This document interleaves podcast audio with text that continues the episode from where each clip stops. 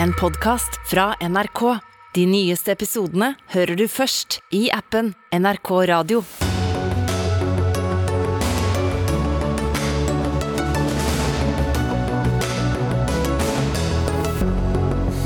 Norge står foran den største flyktningstrømmen vi har sett noensinne. Den kan komme opp mot 100 000. Regjeringen må sette av milliarder til kommunene. SV er kritiske til mottaksapparatet som venter. Systemet er laget for å avskrekke flyktninger fra å komme hit, mener partiet. Det er ikke tid for å komme med den kritikken nå, svarer Arbeiderpartiet. Taliban ga løfter om å åpne skolene også for jenter under sitt omstridte norgesbesøk, men da jentene kom denne uken, måtte de gå hjem igjen, og skolene er fortsatt ikke åpne. Og krigen mellom Ukraina og Russland utkjempes også via religionen. Putin bruker landets kirkeledere aktivt. Ja, dette er uh, ukens siste Dagsnytt 18 med Espen Aas, der vi også etter hvert skal diskutere maktkonsentrasjonen i dagligvarebransjen nok en gang. Norge forventer nå å ta imot den største andelen flyktninger vi har gjort noen gang. I år er planen å ta imot 35 000. 30 000 fra Ukraina, 5000 fra andre steder. Kommunene er nå anmodet om å bosette dem, men det kan komme opp mot 100 000. Samtidig er det også i flere dager kommet meldinger om kritiske forhold på mottakssenteret i Råde, med lange registreringskøer og flere kommuner som er frustrerte om, uh, over manglende informasjon og tilrettelegging. Statsminister Jonas Gahr Støre fra Arbeiderpartiet, stiller vi uforberedt? Hadde dette intervjuet funnet sted for fem uker siden, så hadde vi ikke snakket om dette i det hele tatt. Så det er klart, ingen har vært forberedt på uh, den største flyktningstrømmen siden andre verdenskrig. Det er ti millioner kanskje som er på flukt, de fleste inne i Ukraina, men 3,7 utenfor. Uh, og vi skal ta vår uh, andel, eller den er jo ikke definert, men folk kommer også til Norge. Så dette har vært ut fra en situasjon hvor vi tar imot 5000 i året, sånn i snitt. Nå planlegger vi for 35 000, og det kan bli mer. Så jeg har veldig forståelse for de som har vært frustrert over at ting kan ha tatt litt tid. Det bedrer seg. Vi har flere mottakssteder, flere steder å registrere seg. Eh, kommunene har så langt stilt utrolig opp, eh, sagt at de kan ta imot flyktninger. Nå gjør de en jobb inntil 31.3 med å kartlegge hver kommune hvor mange de kan ta. Eh, og vi har hatt møte med alle i dag, og har løpende møte med dem, og sikrer dem at de får økonomi til det de skal gjøre. Og så skal dette skje på en måte hvor vi er nødt til å improvisere og gjøre en god del ting på nye måter. Mm. Og Som du poengterte også på pressekonferansen, så betyr det at eh, vi må måtte gjøre det vi, det vi, klarer, og da kan vi heller ikke oppfylle alle lovfestede rettigheter? Nei, eh, det er jeg helt ærlig på. Altså F.eks. ta bygg- og, anleggs, eh, bygg og eh, plan- og bygningsloven. Når vi skal bygge nå for, eh, for et mottak f.eks. hvis det trengs, så kan det hende at vi må gjøre det på en litt annen måte enn for et vanlig bygg. Eh, eh, det, de rettighetene du har etter opplæringsloven, du skal jo komme fort i skole og barnehage, det er målet. At vi skal få unger i skole og barnehage. og Ukrainere de kan begynne å jobbe fra dag én, det er viktig. Men at vi må liksom gå litt øh, søkende fram for å kunne ta imot disse menneskene som kommer, ganske mange på kort tid. Det tror jeg alle vil ha forståelse for. Mm. Anmodningen eh, da eh, om, om, å bosette 35 000 eh, kommer nå. Kommunen har seks dager, altså fram til 31. mars. Men krigen har jo vart over en måned. Hvorfor kommer den nå? Jo, men vi begynte med å høre en tilbakemelding fra kommunene hvor de antydet i overkant av 20 000. Så mange har jo forberedt seg på det nå og er klare for det. UDI har gjort sine vurderinger, og det er altså 35 000. Og det eh, planlegges det nå for. Så her, dette skjer på en måte hver dag. Og jeg har inntrykk av at kommunene nå Jeg var i Moss kommune for to dager siden. De har gjort sin vurdering av hva de kan ta imot. Det er et eh, godt tall. Eh, og der de, har de erfaring med å ta imot flyktninger. Mye har blitt bygget ned. Men det må nå igjen bygges opp og improviseres. Og mange av de som kommer nå, husk på det, det er jo folk som vil ønske å komme i aktivitet. Eh, eh, mange av dem Vi trenger jo folk i jobb i Norge, så det er også mulig for å legge til rette fra arbeidsliv, frivillighet og eh, alle som skal til for at dette lykkes. Så jeg, jeg tror det er en påminnelse for Norge om at vi lever i et kontinent hvor vi er vant til stabilitet. Flyktninger er noe som kommer langveisfra. Vi tar imot noen i året. Men den krigen er så enorm og den er ødeleggende. Og den er en humanitær katastrofe som er eh, hos oss, uh, og nå må vi eh, stille opp for den. Det kommer til å prege lokalsamfunn nære deg, der du bor.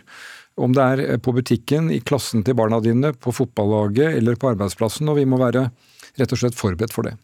Foreløpig har dere sagt at utgiftene kan økes med inntil 5 milliarder kroner for å sikre flere mottaksplasser. Hvor tas pengene fra? Det vi gjør nå er å få en fullmakt til å overskride planlagte budsjetter. Eh, vi skal jo ha det som heter sånn revidert budsjett, hvor vi går gjennom budsjettet midtveis i året. Da kommer vi tilbake med det. Nei, dette er noe vi må uh, Altså, jeg sier det skal skje nøkternt, men det kommer til å koste. Når det kommer tusenvis av mennesker, og de skal tas imot på en Eh, på en eh, anstendig måte. Men, men, pengene kommer det fra bistandsbudsjettet, kommer det fra andre budsjetter? Altså, Førsteårsgangs flyktning, års flyktninger eh, kan du dekke noe på bistandsbudsjettet. Det har vært gjort hvert år. Og når det har vært store flyktningtilstrømninger, så har det vært tatt noe mer. Men det er alt over, altså dominerende på bistandsbudsjettet skal gå til utvikling og bistand. Det er ikke noe tvil om. Mm. Så det skal ikke gå, i stor grad gå utover andre bistandsbudsjett? Nei, det skal det ikke. Men noe, og akkurat andelen er sånn, den får vi lande på. Noe er det naturlig kommer, kommer derfra. Mm. Vi går videre til Brussel. Dere kan tappe dere hodetelefonene, dere som sitter i studio. Eh, korrespondent Simen Ekern, eh, du har fulgt EU-toppmøtet der i dag, hvor det har vært lange diskusjoner om eh, bl.a. hvordan Europa skal kvitte seg med olje- og gassavhengigheten til Russland. Hva er det viktigste som kom frem på møtet?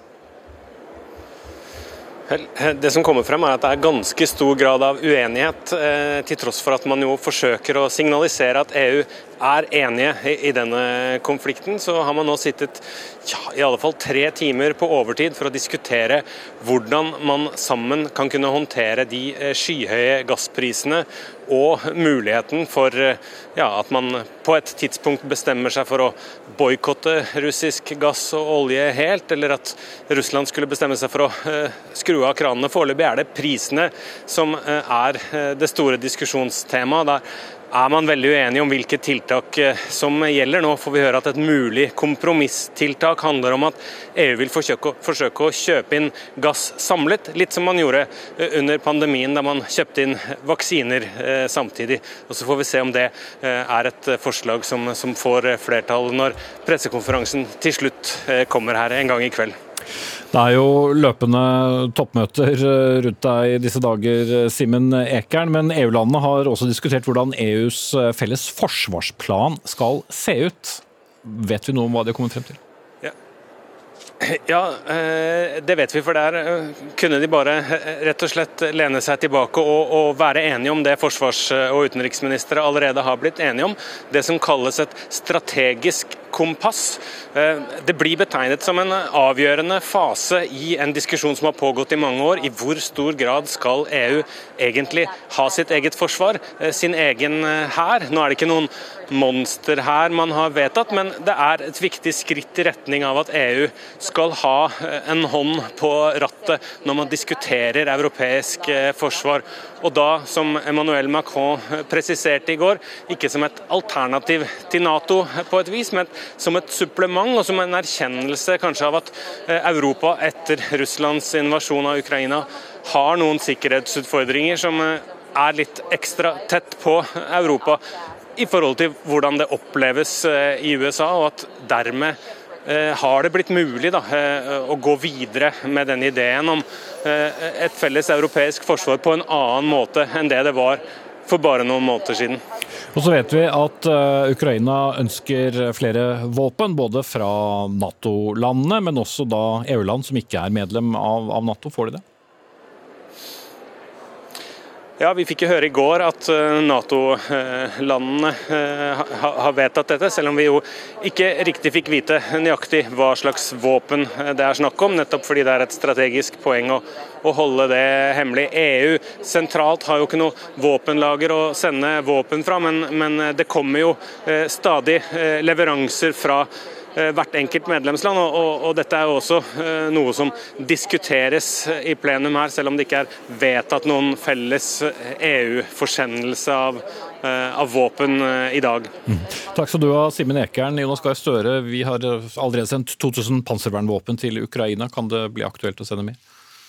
Vi er i kontakt med våre nordiske naboer i europeiske land, ser på de behovene Ukraina har. og Jeg vil ikke utelukke det, men jeg har ikke noen nærmere kommentar til det. Men det er en, en, løpende vurdering? Ja, det er en løpende vurdering. Dette er et land som kjemper en forsvarskamp mot en uh, invasjonshær. Uh, så det er uh, legitimt, og det har vi til vurdering. Mm. Men hva skal da veie for om hvorvidt vi sender mer? Ja, Det er jo situasjonen eh, de er i, hva vi eventuelt eh, kan bidra med. Men eh, av grunner som Simen Ekern var inne på, så har jeg ikke noe mer kommentarer til det. Karen Anne Eggen, forsker ved Institutt for forsvarsstudier. Du følger tett på utviklingen i, i Ukraina. Den russiske hæren har ifølge nyhetsbyrået AFP varslet at den vil konsentrere seg om å citat, frigjøre Donbas-regionen øst i, i Ukraina. Hva leser du inn i det? For det første så tenker jeg at det er det er jo et spørsmål om hva vi skal tro på uh, av det som kommer uh, av informasjon fra Russland. Uh, de har jo vist før at de sier én ting, og så gjør de noe annet, eller de gjør det ikke i det hele tatt. så klart er jo det her en, en mulig justering av politiske mål. De vil jo ikke kun oppnå det som var det opprinnelige målet, altså full kontroll av Ukraina. Kanskje er det da en nedjustering, at de faktisk da tenker at ok, vi, vi konsentrerer oss om eh, visse territorier. Eh, men det trenger jo heller ikke å være godt eller bra nytt for den ukrainske hæren. De har en stor del av sine styrker i de her områdene. Og det er jo blitt spekulert før i om Russland nå går inn og omringer dem. ikke sant? Og da er jo spørsmålet hva skjer hvis de da får et militært overtak der. Mm. Eh, det er løpende vurderinger eh, både i Norge og andre steder da, når det gjelder eh, mer våpen og mm. materiell til Ukraina. I hvor stor grad følger det russiske styret med på dette? De følger nok nøye med på det. For Norge sin del så tenker jeg at det øker ikke nødvendigvis vårt trusselbilde, eller trussel mot oss, eh, hvis vi, nå, hvis vi, skulle bestemme oss for å sende mer våpen. Eh, det vil nok russerne se på i den større vestlige sammenhengen. Eh, men du kan jo si at situasjonen er jo spent. Veldig spent akkurat nå. Men ja, jeg tror ikke de vil se på det i større vestlige bilder. Så det øker ikke trusselen nødvendigvis mot oss. Det er jo veldig vanskelig å få bekreftet tall, eh, både på falne, eh, sårede osv. Amerikanske medier eh, har da anslått at Russland har mistet 40 000 soldater. Enten gjennom da at de blir drept, at de er savnet eller, eller tatt til fange. Kan vi lese noe inn i disse tallene overhodet? Jeg er, litt, eh, jeg er litt, var på å kommentere på direkte tall, og særlig når det kommer fra uh, anonyme kilder. Uh, men det vi vet, er at uh, russerne har lidd store tap. Både materiell og personell.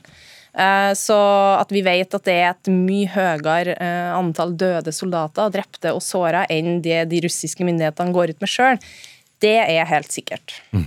Hvis du skal gi oss et slags eh, øyeblikksbilde nå, da, litt over uh, fire uker inn i krigen?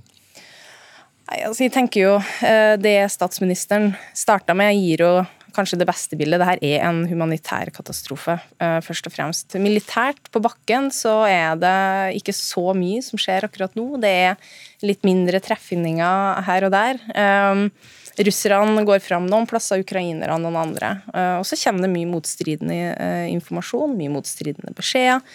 Eh, og det er nok i en mer re, rejustering og reorienteringsfase av konflikten akkurat nå. Men det dør mye mennesker hver dag, og det er det er fryktelig å følge med på utviklinga i, i, Ukraina akkurat nå. Men eh, vi er nok i en mer eh, en fase som er prega av um, at det militært ikke er særlig stor framgang. Mm.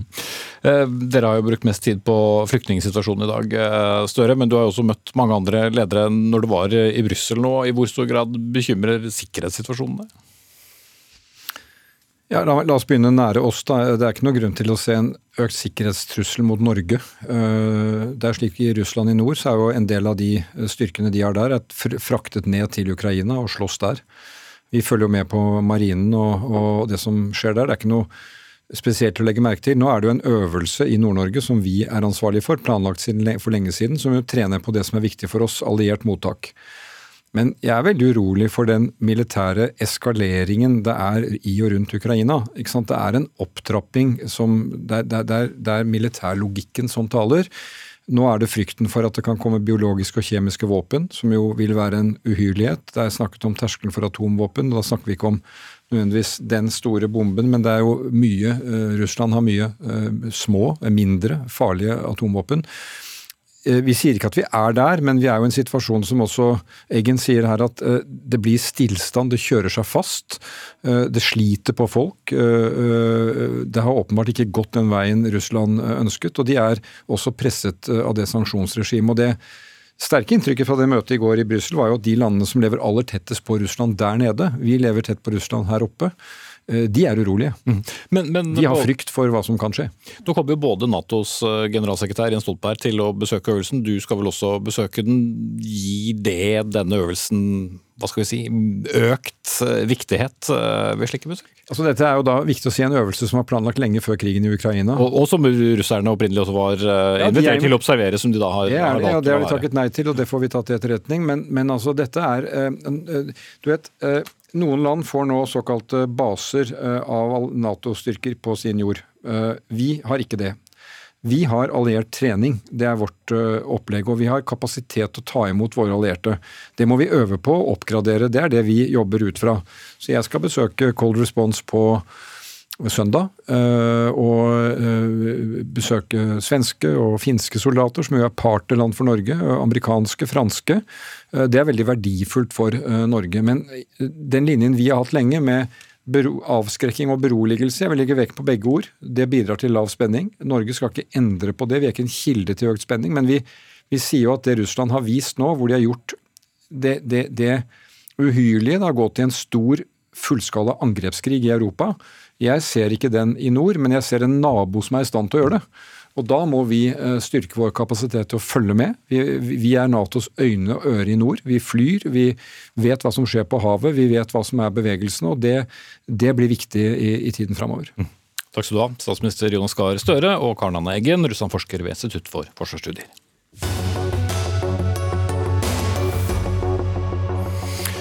Men vi skal eh, fortsatt snakke om eh, samme tema. Vi skal bare vri det litt mer nå over på situasjonen for ukrainske flyktninger i Norge. For som jeg har vært innom, har det vært Eh, debatt rundt det allerede. Og så har også partiet SV rettet hard kritikk mot det norske flyktningmottakssystemet som sådan. I Klassekampen blir dette systemet kalt for uverdig og laget for å avskrekke flyktninger fra å komme til Norge.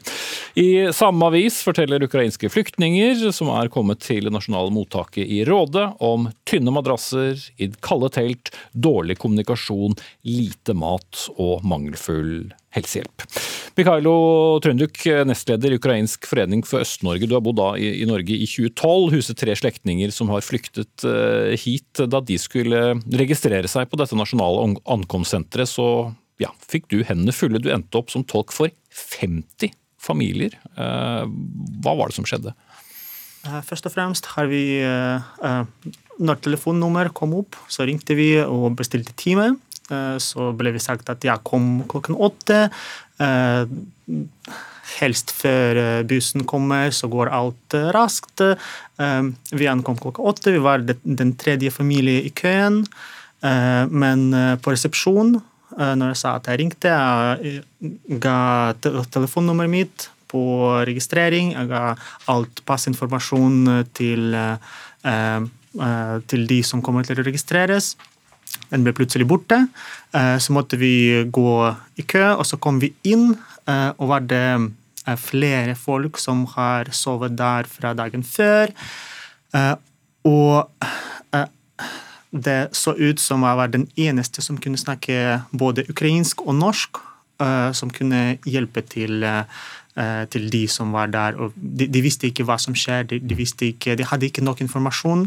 Men Du, du forstår jo da norsk, og det var litt av grunnen til at du fikk eh, hendene fulle. da, men hva, hva, slags virkning hadde det da på, på, flyktningene, som jo har reist fra alt de eide og hadde, og, og ble møtt med dette? Uh, først og fremst, de som kommer dit, uh, de, de, er stressa. De, uh, de, løper for livet. de løper fra bomber, de flykter Ukraina, og de kommer til Norge, og de er ute etter trygghet. De er ute etter Eh, plass å sove og starte ny liv. Eh, for et par, eh, et par, dager, for et par måneder. Det, er flere som vil komme tilbake snarest mulig. Og det de ser på ankomst, at det er ingen som kan snakke språket. Det er ingen som, som kan gi nok informasjon. det er bare engelsk som blir fortalt her og der. Og de begynner å stresse mer og mer. Mm. Men som statsministeren som var inne her før dere kom inn også sa, ingen kunne vel heller være forberedt på det som har skjedd, ei heller det antallet som har kommet på kort tid? Det er sant. Det, hvis vi snakker om dag én, uke én, men nå er vi på første måned av krig, og det, det har gått bare tenk, det har gått én måned mens Russland har bomba Ukraina, har drept barn, og de som flykter nå, de, de er redde for livet sitt. Og det, etter min mening, det var nok tid for å forberede eh, seg bedre for dette. Fordi det, det var eh, klart Så etter fire uker så fremstår det fortsatt som uforberedt, er det det du sier? Eh, I flere områder, ja. Det, mm. det, det har blitt forbedringer. Jeg, jeg har vært eh, i Rådet ankomstsenter i, i, begynnelsen av uh, krigen. Uh, og uh, det, det, var forbedringer. og Eh, i hoteller nå. Eh, det er, eh, så, så, vidt jeg vet, det er mm. ingenting å klage på. Men selve ankomstsenter Kaotisk, ja. Vivian Ellingsen Godtås, seksjonsleder ankomst og transittenhet ved UDI. Nå kommer det også penger fra regjeringen, men hvordan skal dette brukes for å rette opp den situasjonen som ble beskrevet her? Ja, Vi er veldig takknemlige for at det kommer mer penger. Dette er jo et veldig kostbar rigg. Men for å gå tilbake til det han Misha har snakka om, vi har jo sittet og snakka før vi kom inn hit, at uh, han ser bedring fra eh, den første opplevelsen på Nasjonalt ankomstsenter og til nå. Og vi jobber hardt hver dag for å Nå vet de er en sårbar gruppe, vi vet de har behov for informasjon og, og andre ting når de kommer. Og det jobber vi godt nå med å få på plass disse systemene for å ta imot dem på en god måte. Mm. Men det kan jo gis inntrykk av at vi etter fire uker fortsatt fremstår som noe um, uforberedt, og varslene om flyktningstrømmer har vi jo snakket om lenge. Du, Det er jo den største krisa vi har møtt på etter andre verdenskrig i Europa. Det er jo en veldig stor folkeforflytning som er, og vi kommer til å få veldig mange i Norge. Og nettopp det er mitt poeng, at det har vært kjent eh, en god stund. Kunne ja, ja, vi gjort noe men det Har, eh, jeg tenker at vi har jobba det vi kunne. Det har vært en enorm mobilisering fra ulike sektormyndigheter. og Jeg vil spesielt trekke frem politiet, som har gjort en kjempejobb. De har stått på stor stå-på-vilje. Folk har jobba dager og netter for å bygge disse systemene. Mm. Og, og, og, dette var jo da eh, et mottak hvor det kanskje da kom 25 per dag. Nå er vi oppe i, ja. i 500, eh, bare for å poengtere det også. Så det er jo en mangedobling. Men hvordan rigger man ja. Eh, for å, å mangedoble muligheten til å, å, ta imot folk? I alle sonen så økes kapasiteten, men jeg vil spesielt snakke om denne, ankomst, eller denne ventesonen han Eh, nestlederen i Ukrainsk forening har tatt frem. Eh, der bygger vi opp eh, systemer for god informasjonsformidling. Vi har skjermer der, vi har del ut informasjon. Dessverre er det noen som har måttet overnatte, men det prøver vi å unngå. Vi har ikke folk overnattende i vintersone på natta. Det er slutt. Det tar vi inn på hotell. Vi har jo kapasitet med mottak før registrering, sånne innkvarteringsløsninger. Mm. Ja, jeg til deg foreløpig. Uh, Grete Wold, innvandringspolitisk statsperson uh, fra SV uh, på Stortinget. I gårsdagens utgave av Klassekampen så, så kritiserte du da mottaksapparatet for flyktninger. Også for så vidt på mer generell basis, da. Men dette er altså resultatet av en villet innvandringspolitikk. Hva, hva mener du med det? Med det så mener jeg at eh, når vi står i den helt ekstreme situasjonen som vi står nå, så har vi full forståelse for at det tar tid å få på plass gode systemer. Det er helt åpenbart. Og det er ikke alt man kan planlegge for. Samtidig så viser jo denne krisen de svakhetene vi faktisk har i systemet. Vi har rigget opp en mottakspolitikk hvor vi ønsker å avskrekke. Vi ønsker å ha en restriktiv innvandring- og flyktningpolitikk som nettopp skal gjøre det vanskelig å komme til Norge. Ikke spesielt behagelig, og rådet er bygget opp med en del eh, implisitte virkemidler nettopp for å avskrekke. Og Det blir jo veldig tydelig nå. Når vi får en sånn innvandringskrise eh, som vi gjør nå, så skal vi selvfølgelig hjelpe alle ukrainske flyktninger som kommer, men de avdekker jo også at her behandler vi flyktninger på en til dels inhuman måte, nettopp for å avskrekke. Mm. Og Da må vi klare å ha to tanker i hodet samtidig, og faktisk se på den situasjonen vi er i nå, med tanke på om dette er en ålreit måte å behandle flyktninger på generelt. Mm. Men er dette også tidspunktet på, for å ta den debatten? Det er i hvert fall tidspunktet for å følge med på hvordan vi håndterer denne situasjonen. Og hva kan vi lære av denne situasjonen også i en normaltilstand. Og ta med oss den lærdommen inn. Og SV ønsker nå å fremme et forslag hvor vi også ønsker en følgeforskning på hvordan vi nå møter våre ukrainske flyktninger. Hvor det blir lagt til rette for kollektivt opphold, det blir lagt til rette for å kunne bo utenfor mottak. Det blir lagt til rette for en arbeidslinje på en helt annen måte. Vi møter disse flyktningene med solidaritet og med en human tilnærming.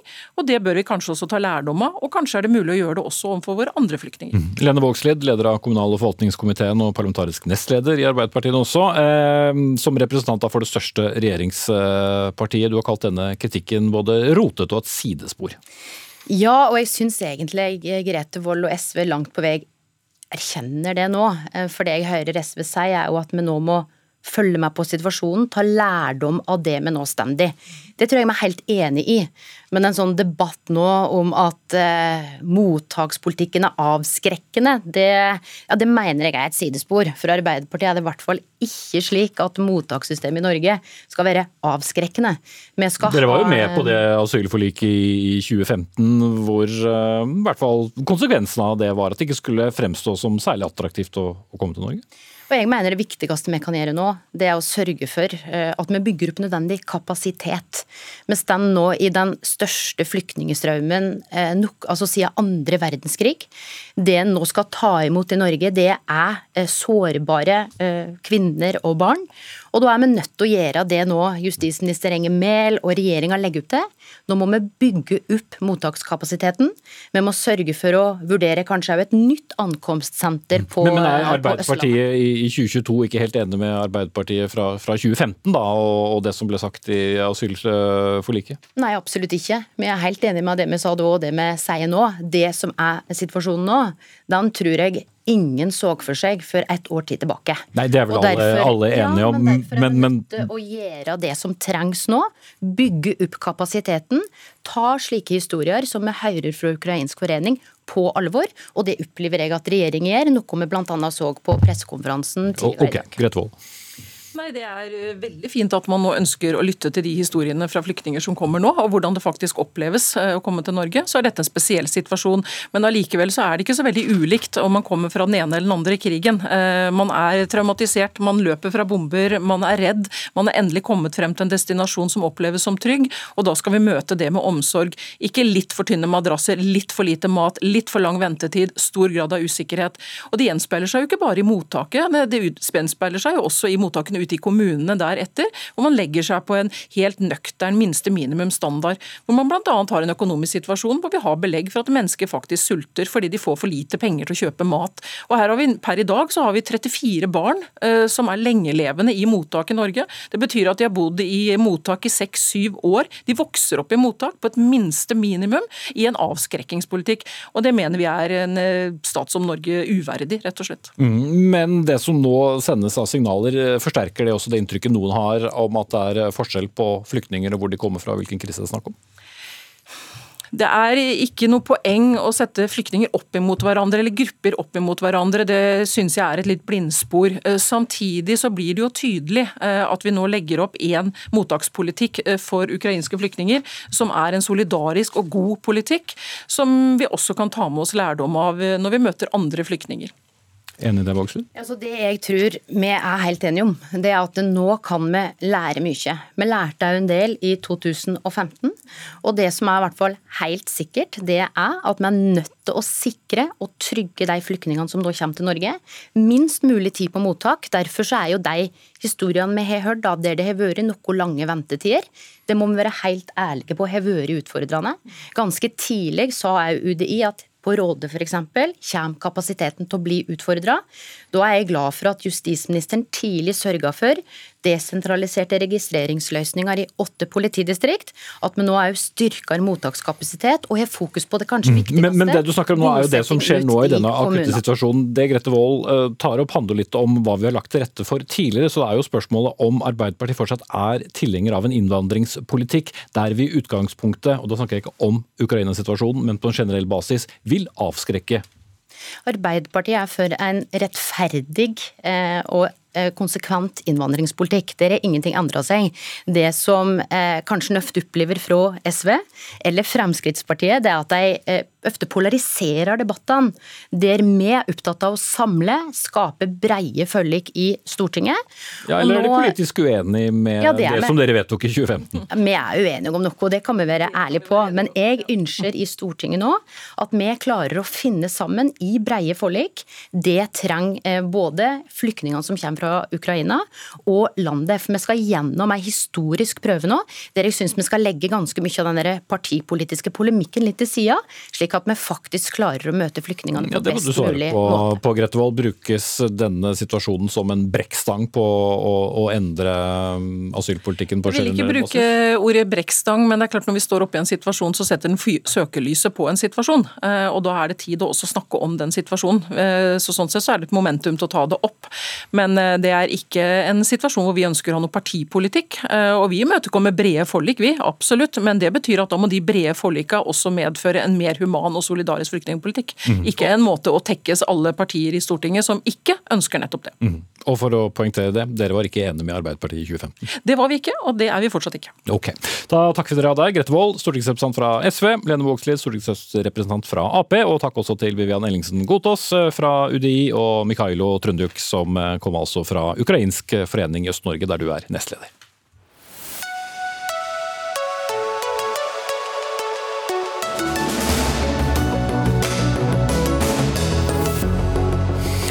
Dette er Dagsnytt 18. Klokken er eh, litt over halv sju. Senere i sendingen så skal vi snakke om at også kirkens menn er blitt brikker i spillet om sannheten om krigen i Ukraina. Men vi skal nå snakke om eh, et annet land som vi har snakket mye om eh, ofte ellers, men ikke i like stor grad nå. Og vi skal snakke om de afghanske jentene som skulle få vende tilbake på skolen denne onsdagen. Det var planen og, og, lovnaden, men etter bare få timer så ble jentene sendt rett hjem, og de har ikke fått komme tilbake. Og som mange kanskje vil huske, Taliban lovte å gjenåpne jenteskoler da de var i Norge under de omstridte forhandlingene i januar. Men drømmen om skolegang den lar fortsatt vente på seg. Yama Wolasmal, vår Midtøsten-korrespondent, du var jo til stede og, og dekket da Taliban tok over Afghanistan på, på veldig kort uh, tid. Hva slags argumenter blir brukt for at uh, jentene ikke skal få gå på skole nå? Altså, den offisielle begrunnelsen er at eh, Taliban uh, sier at uh, de ikke er i stand til å undervise jenter i atskilte klasser med kun kvinnelige lærere. Det er ifølge dem et klart krav ifølge den ekstreme tolkningen deres av de religiøse tekstene i islam. De mener at det må på plass før jenteskoler kan åpne opp igjen. Problemet med denne forklaringen er at religiøse tekster kan ofte være tvetydige. Det kan være veldig mange ulike tolkninger. men når det gjelder gjelder utdanning, så er altså islam krystallklar på at det skal ikke gjøres forskjell på kjønnene. Kvinner har lik rett til utdanning som menn. Så der har Taliban et stort forklaringsproblem. Dette vet afghanere. Såpass mye kunnskap har afghanerne. Så her eh, har Taliban gjort noe som eh, er totalt ødeleggende for tilliten deres blant afghanerne. Du har eh, som nevnt fulgt denne maktovertagelsen tett, og kjenner også Afghanistan eh, veldig godt. Er det veldig overraskende, denne vendingen som, som nå kommer? Dette er faktisk overraskende, for Taliban vet at dette med skole, altså jente, skoleut, altså utdanning for jenter har vært eh, det fremste kravet fra det internasjonale samfunnet, som Taliban har gjort alt for å tekkes. Man har reist rundt, man har kommet til Oslo og man har lovet gull og grønne skoger. Og overalt hvor de har reist, så har de fått dette kravet. Dere må åpne jenteskoler. Dette vet de, og når de da nok en gang bryter dette løftet, så kan det få eh, ødeleggende eh, konsekvenser for deres forhold til det internasjonale samfunnet, og at afghanerne mister tillit. Jeg har snakket med ledende skikkelser i Taliban-bevegelsen som sier at det er uenighet internt om denne avgjørelsen. At det er grupperinger i Taliban som sier at dette burde ikke skjedd, vi burde åpnet jenteskolene som vi hadde lovet. Men eh, det er liten trøst for de millioner av jentene som nå fortsatt står uten skolegang seks måneder etter at Taliban tok over. Mm. Du blir med oss videre, Yama, men eh, vi skal over til en uh, jente, eller kvinne, da, som er født i Afghanistan og som flyktet til Norge som åtteåring, nemlig deg, Nilofar Nori. Du var veldig kritisk da Taliban fikk komme til, til Norge og, og drive med forhandlinger. Og ikke så overrasket over det som nå har skjedd? Nei, jeg var faktisk ikke overraska i det hele tatt. Eh, jeg har alltid sett på Taliban som eh, den terrorgruppen de egentlig er, og var også på slutten av 90-tallet. Og syns egentlig at det har vært veldig uheldig at vestlige medier, også norsk media, har prøvd å fremstille Taliban som mer moderat.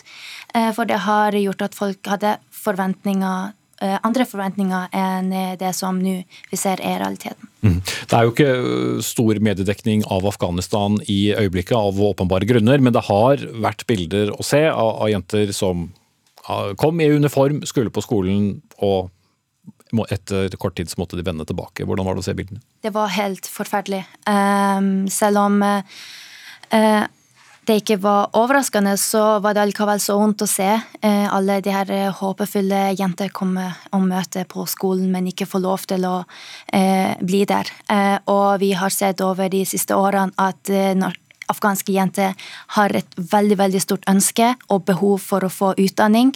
Eh, så å bli fratatt rett til utdanning for afghanske jenter er utrolig utrolig vanskelig. Mm. Pamir Esas, du er grunnlegger av det som heter Brighter Tomorrow, som er da en veldedig eh, forening som jobber for å sikre da utdanning for barn og unge i nettopp eh, Afghanistan, hvor du også er født, men du er vokst opp i Norge. Du var jo mer positiv til Taliban-møtet og sa at regimet kun ville innfri krav hvis man inngikk dialog med dem. Hvor skuffet er du i dag? Jeg er jo veldig skuffet. Vi har jobbet med dette her nærmest ti år, og for en som er relativt ung, er det føles som en evighet. Og det er utrolig vanskelig å se på når det er den eh, aller største hjertesaken jeg har. Men jeg mener fortsatt at til tross for dette her, så kan man på en måte ikke gi opp. Eh, alternativene er jo mye verre. Vi har vært i den situasjonen her tidligere i 1996, og da valgte vi å ha en, en, veldig hard frontal linje. Og det førte til at de ble mer isolert, og det ble enda verre for afghanske kvinner. Mm. Men, men, var du og andre litt for naiv da dere trodde på dialog? jeg er veldig idealistisk, men det er også av at jeg føler at Norge har en iboende plikt, som eh, ved at vi har fått tildelt denne saken i FNs sikkerhetsråd, at vi må følge det opp. Og da må man iverksette drastiske tiltak. Så jeg er en idealist, men jeg mener også at man må praktisk følge opp de stegene da, og holde dem til ansvar. Mm. Så jeg føler absolutt ikke at kampen for så vidt er over enda. Eh, men var du på god trone? Eh, jeg, jeg, er jo en idealist, så det, de, definitivt. Men jeg mener fortsatt at man må prøve å følge opp eh, de løftene de har gitt. Fordi igjen, alternativene er jo mye verre. Og man er jo i en veldig desperat situasjon. Mm. Nori, eh, noen vil kanskje mene at uh, Norge har også et spesielt ansvar for å følge opp, i og med at man la til rette for at Taliban skulle få komme hit. Uh, hvordan burde Norge reagert? Ja, absolutt. Uh, jeg mener ikke at vi har et ansvar bare for at vi inviterte Taliban til forhandling, men også for at vi har vært til stede i Afghanistan 20 år som Nato-medlem. Og måten Nato forlot Afghanistan, eh, har hatt en veldig veldig stor eh, rolle i hvordan situasjonen i Afghanistan er i dag. Så jeg syns absolutt at den internasjonale samfunnet har, eh, også inkludert Norge, har skuffa mange, mange eh, i Afghanistan. Spesielt afghanske jenter som aldri hadde sett for seg at de skulle gå, eh, bli fratatt rettighetene deres på den måten de er blitt. Mm. Men, men, hva tror du nå, helt ærlig, du har vært skeptisk eh, til dette hele veien. Mm. Eh, tror du at afghanske jenter i hele tatt får lov til å komme tilbake til skolebenken, gitt den historikken vi har fra 90-tallet?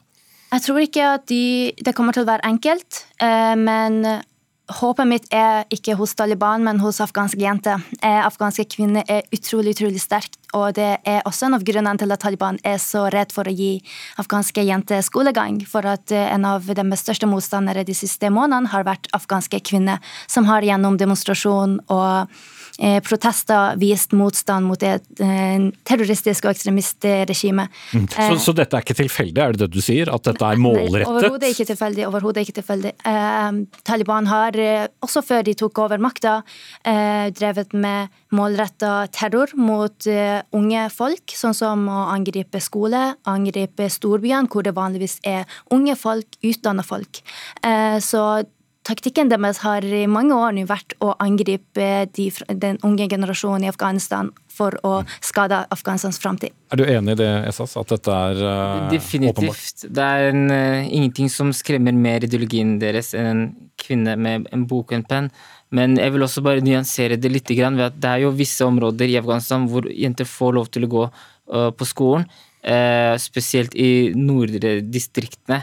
Og det eneste grunnen til det er jo at Taliban er en fragmentert eh, enhet hvor, som sentralt uh, Som ikke er sentralt styrt, men lokalt styrt. Og det gir tegn på at er, de har ikke muligheten til å drive med kapasitetsbygging og gjennomføre politikk. De, de har jo hatt kun ett formål før, og det var å krige. Så det er jo en helt annen situasjon. Og det bringer jo uh, oss en mulighet til å fokusere på de som i de områdene hvor det er tillatelse for at kvinner kan, og jenter kan gå på, og få seg utdanning, det, kan, det, har jo overføringsverdi til de andre distriktene. Eh, så jeg mener absolutt at man skal på en måte fokusere på den siden av saken i langt større grad, og iverksette mer ressurser, tid, oppmerksomhet og politisk press for å sikre at den praksisen blir nasjonal, og at alle jenter alle steder i Afghanistan får muligheten til å gå på skolen. Mm. Men med fare for å fremstå så veldig kynisk, kvinner får jo ikke lov til å delta i arbeidslivet i, i Afghanistan. Hva, hva, har de igjen for uh, skolegang da, som er det du har påpekt mange ganger at du er veldig idealistisk for? Ja, og igjen, dette er også nyansert. så De har jo visse uh, stillinger de har lov til å jobbe i. Uh, leger, lærere. De klager på at det ikke finnes nok kvinnelige lærere, ironisk nok. Så, så det, det, er jo allerede visse stillinger hvor det er tillatt. En, en veldig stor utfordring er altså bekymringen for sikkerheten til kvinner. Veldig mange tør ikke eh, og eh, tillater ikke at kvinner på en måte får gå tilbake til stillingene sine, i frykt for eh, de konsekvensene det kan føre av de mest radikale fraksjonene. Mm. Nore, du var jo opptatt av den makten utdanning gir. Hva er det den mangelen på det forhindrer jenter i å gjøre? Ja, altså Vi har sett, eh, som også nevnt tidligere, eh, det store behovet og ønsket blant afghanske, den nyere generasjonen i Afghanistan om, ut, om, utvikling og også utdanning. Eh, så jeg ser egentlig ikke for meg Taliban Altså, jeg håper ikke eller Taliban må ikke få beholde makta over lengre tid, så det hjelper ikke om man ser etter de små eh, minimalistiske endringene i Afghanistan. Taliban må ikke få lov til å bli.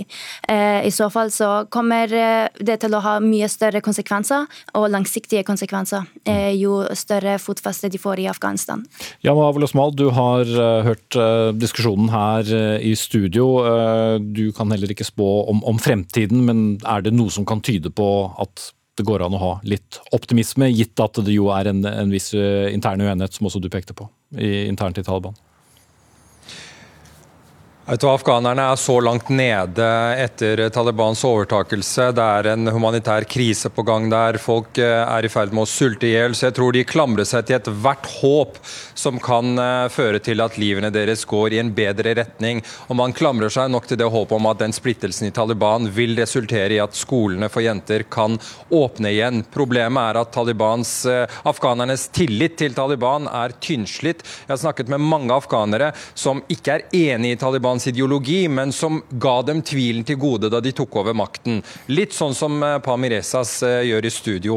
Mange av de afghanerne sier nå at eh, vi har mistet all tillit til Taliban. Dette er en gruppe som åpenbart ikke har forandret sitt syn på kvinner. Og det kan i lengden vise seg å være svært ødeleggende for Taliban.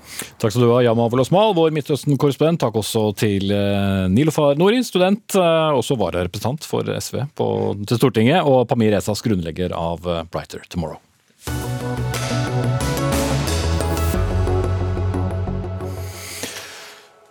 Så skal det handle om noe ganske annet. De store dagligvaregigantene her hjemme bør splittes opp for å gjøre noe med maktkonsentrasjonen i dagligvarebransjen. Det foreslår SV. Partiet mener at eh, så få og store eiere fører til dyrere mat, dårligere utvalg for oss forbrukere og dårligere betalt til bøndene som produserer maten.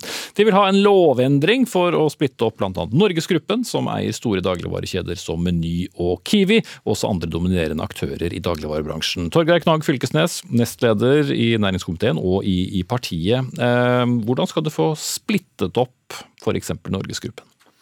Nei, Det er jo gjennom lovverk. og det, Vi har jo lovverk som gjør at det f.eks. på medie, mediesida så er det jo klare regler for hvor stor og dominant rolle enkelte aktører kan ha. Eh, og andre bransjer har vi også den type lovverk for å ivareta samfunnsinteresser. Men vi har jo et lovverk også i dag. Blant annet så fikk jo Coop eh, kjøpe opp eh, de gamle butikkene som ble drevet bl.a. av Ica. Ja da, vi har lovverk, eh, men det er ganske brei politisk enighet om at vi har et for svakt lovverk. Det er for dårlig konkurranse i dagligvaremarkedet. Eh, og den dårlige konkurransen fører til at store verdier samles på få hender. Og dette går utover både vanlige folk, og så går det utover produsenter. Mm. Eh, du får en sånn opphopning av verdier hos de som da driver disse dagligvareforretningene.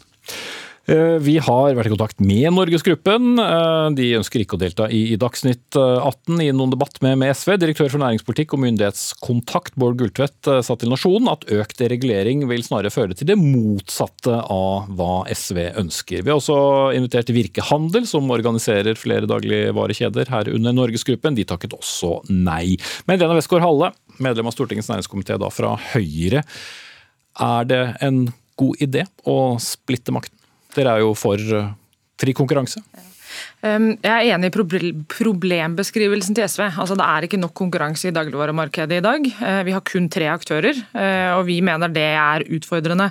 Men vi tror ikke løsningen er å splitte opp. Det vi tror er løsningen, er å sørge for at det blir lettere å etablere seg, sånn at det kan komme nye aktører inn på markedet. For i dag så er det en del sånne etableringshindre eh, i markedet. Altså, vi tror f.eks. at det kan være forskjell i innkjøpsprisene som gjør det.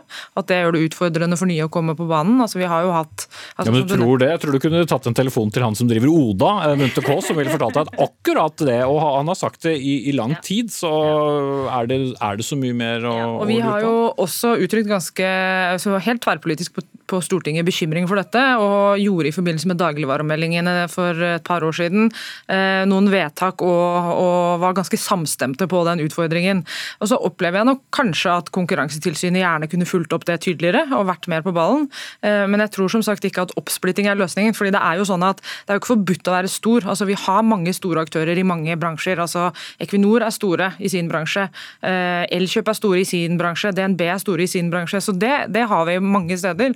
Men utfordringen er at det det må bli lettere å etablere seg. da. Mm. Men Hvor eh, lett er det å etablere seg hvis du skal kjempe mot tre kjempestore dominerende aktører? Det er vel akkurat det som er problemet i dag? Altså hvis, er, hvis, du konkurrerer på like vilkår, så er det jo lett å etablere seg. Altså Rema har jo etablert seg i Danmark f.eks., og de har jo fått til det. Mens i Norge så har jo aktører prøvd å komme på banen, men ikke fått det til. Altså Vi så jo Lidl som prøvde. Tyske eh, ja. ja. Eh, og de klarte ikke å få det til. Så vi tror det at eh, det er viktigere å adressere disse etableringshindrene da, for å sørge for at det blir lettere å komme inn i markedet. Oda er jo en, en aktør som har fått det til, men som uttrykker at det er ekstremt vanskelig, og det, den bekymringen deler vi da med Fylkesnes. Nei, altså det, det, her er relativt eh, vanlig i norsk praksis at dersom noen får en veldig dominerende eh, posisjon, eh, så er et alternativ å, at de splittes opp. At de får krav på seg at de må redusere sin andel i markedet. Men det, det har ikke skjedd i dette feltet her. Eh, og det har ført til at eh, vi har eh, dagligvarer i Norge som er overprisa sammenlignet med andre land. Det, og den, den utviklinga øker. Og det er en veldig kraftig utvikling. Og det skjer jo da i en tid som vi er nå, der prisene ellers går opp. Så det her blir jo da en ekstra byrde for vanlige folk. Eh, det at du har en ikke-fungerende eh, konkurransesituasjon i dagligvarehandelen. Men, men hadde du hatt en av de aktørene her, så er jeg sikker på at vedkommende ville sagt eh, at de jobber dag og natt, som de er veldig glad i å si, for å holde prisene nede. Og fordi de er store, så kan de også presse på for å få lavere priser fra de som leverer mat. Hvis vi skal fragmentere det til mange små, er det da gitt egentlig at prisene ville bli så mye lavere? Altså det som skjer i dag, er jo at de store aktørene sørger for at de får veldig gode innkjøpsbetingelser, men som vi ikke ser i pris i butikk. Der er de likt med alle andre. Ta sammenligninger med, med tekstiler og elektronikk. Eh, der er prisene i Norge og Sverige ca. de samme, men på matvarer der er det 40 eh, forskjell mellom Norge og Sverige. Eh, og det er ene og alene fordi at her har vi en helt unik situasjon. Dårlig, Altfor dårlig regulering. Vi har latt store aktører bli veldig store, veldig dominante. De kan diktere pris. De kan, eh, og de, kan, de, de, har jo en sak på seg nå med Konkurransetilsynet der de blir eh, anklagd for å koordinere pris i mm. tillegg. Vi har altså diskutert denne problematikken så mange ganger at jeg er sikker på flere av publikummerne våre gikk i bleier første gang de hørte til det. Men, og, og, vi kommer liksom ikke noe videre, Westgård-Halle. Hvorfor er det ikke da aktuelt å vurdere litt mer radikale tiltak à la det SV foreslår? Det kommer videre. Utfordringen er at jeg tror ikke det funker. Jeg tror at Hvis du splitter opp, så er jeg redd for at matvarene blir dyrere. Eh, hvis du splitter opp noen av aktørene, da, altså nå er det en vanskelig ting å gjøre. Det er lettere å sette kanskje et tak på hvor, stor andel av markedet de skal ha, men å splitte opp et selskap er veldig vanskelig. Eh, hvis du gjør det, eh, så vil det være naturlig f.eks. splitte opp grossistledd og detaljistledd, altså at du ikke kan levere varer til deg, deg selv eller dine egne butikker. Det vil igjen bety at det blir dyrere å frakte varer rundt omkring i Norge, så da vil det sannsynligvis bli dyrere matvarer, fordi du får en økt transportkostnad f.eks. Så jeg er ikke sikker på at den oppsplittingen vil gjøre at det blir billigere. Og Det andre er, det er ikke sånn at dette er ene og alene grunnen til at vi har dyrere matvarer i Norge enn i f.eks. Sverige. Det handler også veldig mye om landbrukspolitikk. Så det er mange ting som spiller inn på matvareprisene i Norge. Eh, men nå har vi jo begynt å ta grep, og det har vi gjort tverrpolitisk i forrige periode i Stortinget, i dagligvaremeldingen. Vi har gjort mange gode og viktige vedtak. Opplevd, har det endret mye? Sakte, men sikkert så gjør det jo det. Altså, Matvareprisene gikk jo for så vidt ned i fjor. Nå er jo jeg ganske bekymra for at de kommer til å gå ganske mye opp fremover. Men det, det handler, ja, og det handler om mye mer enn situasjonen i dagligvaremarkedet i Norge. Det handler om den internasjonale situasjonen vi står i. Um, men vi har jo opprettet Dagligvaretilsynet, f.eks. Så det er gjort ganske mange grep, og jeg tror det er eh, et lite riktig steg på veien. Vi er nødt til å gjøre flere grep fremover, og jeg tror vi er nødt til å få flere aktører inn i markedet. Men du er ikke like positiv til at dette går riktig vei, Fylkesnes? Nei, det er overhodet ikke. Altså, her trenger man å gjøre mange ulike typer ting. Vi er enige med Høyre f.eks. når det gjelder uh, ulike innkjøpsbetingelser. Der må man ta tak. Men det er på flere områder at dette har vært et underregulert uh, område. Jeg må bare forte meg å si at uh, det er ikke et angrep på noen enkeltaktører i dette her. Det her er jo rett og slett en en, eh, ja, en, kritikk av regjering, storting, konkurransetilsyn. Vi har rett og slett ikke regulert godt nok eh, dette, denne bransjen her. Og det vi snakker om her, er mange mange milliarder som egentlig skulle komme produsenter, bønder, fiskere og forbrukere til gode, men som da hoper seg opp fordi at man har for dårlig konkurransesituasjon. Mm. Ok, vi får sette strek der. SV, partiet for mer konkurranse, med Torgeir Knag Fylkesnes, eh, nestleder der, og Lene Westgård Halle, stortingsrepresentant fra Høyre.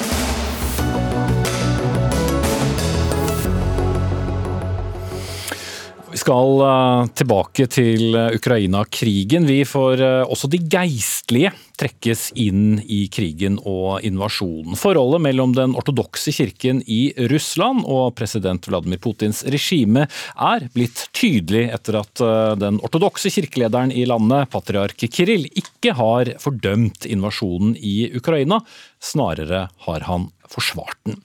Rikard eh, Bærhaug, du er medieviter og forfatter av bøkene 'Makten og troen' og 'Putins presse', som gir eh, en viss innsikt i, i, i dette. Mm, du er med oss fra Latvias hovedstad Riga. Hvordan er det Putin bruker kirken som eh, sitt redskap? Jeg tror både at Putin bruker krigen, men også at Kirill bruker staten for å oppnå det han ønsker.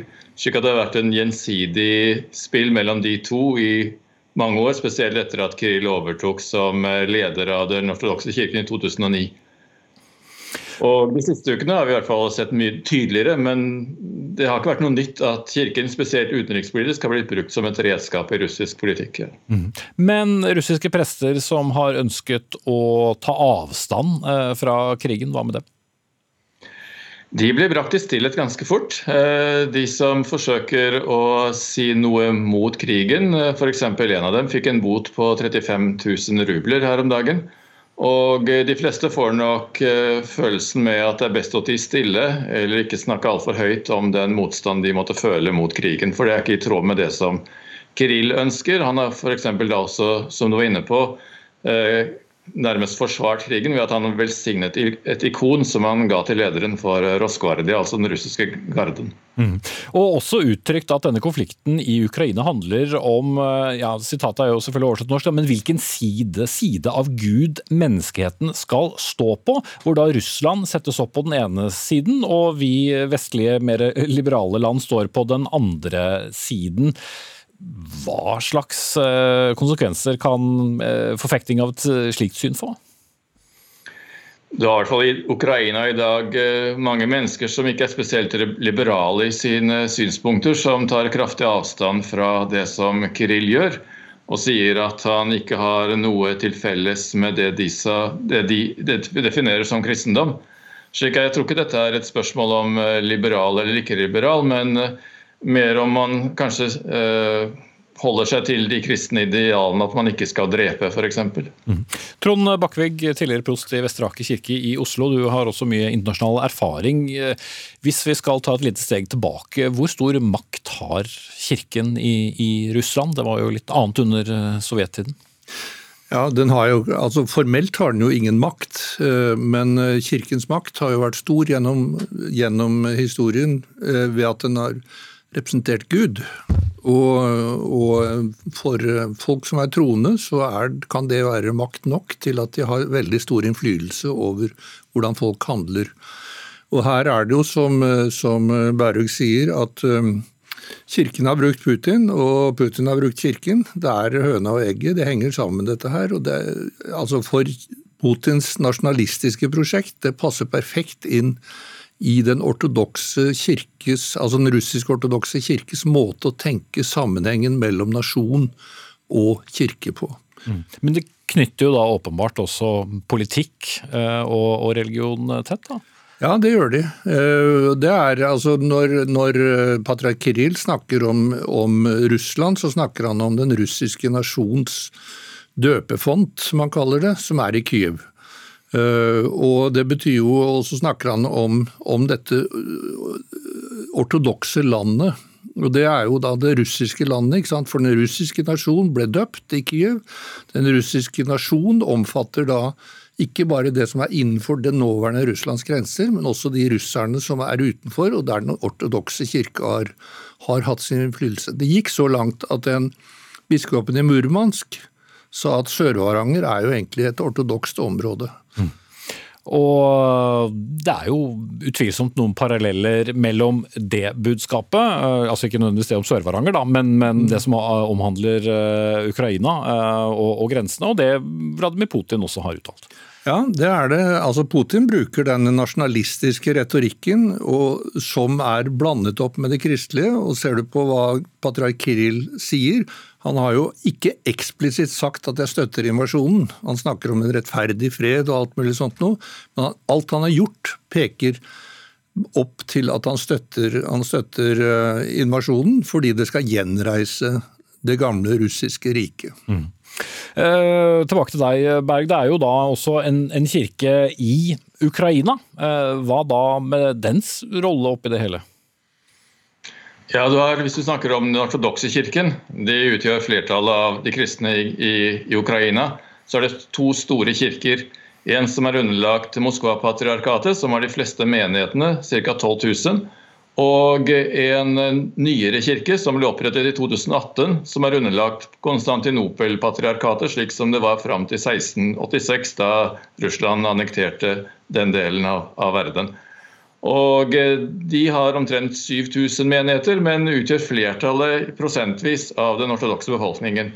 Og De har hele tiden hatt eh, et standpunkt som har vært meget mot eh, Moskva og mot Kirill. Og Det var en av årsakene til at de brøt med Moskva og, og, og kom under Konstantinopel.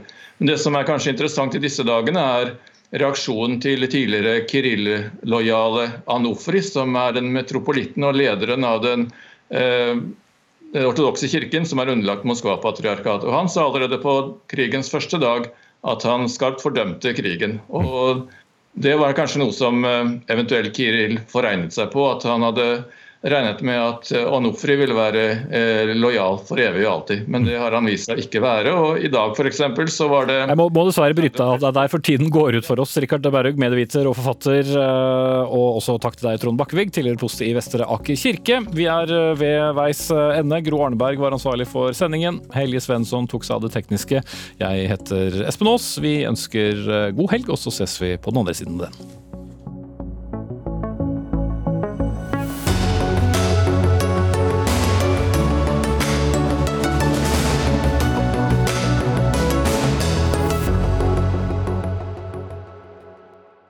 Du har hørt en podkast fra NRK. De nyeste episodene hører du først i appen NRK Radio.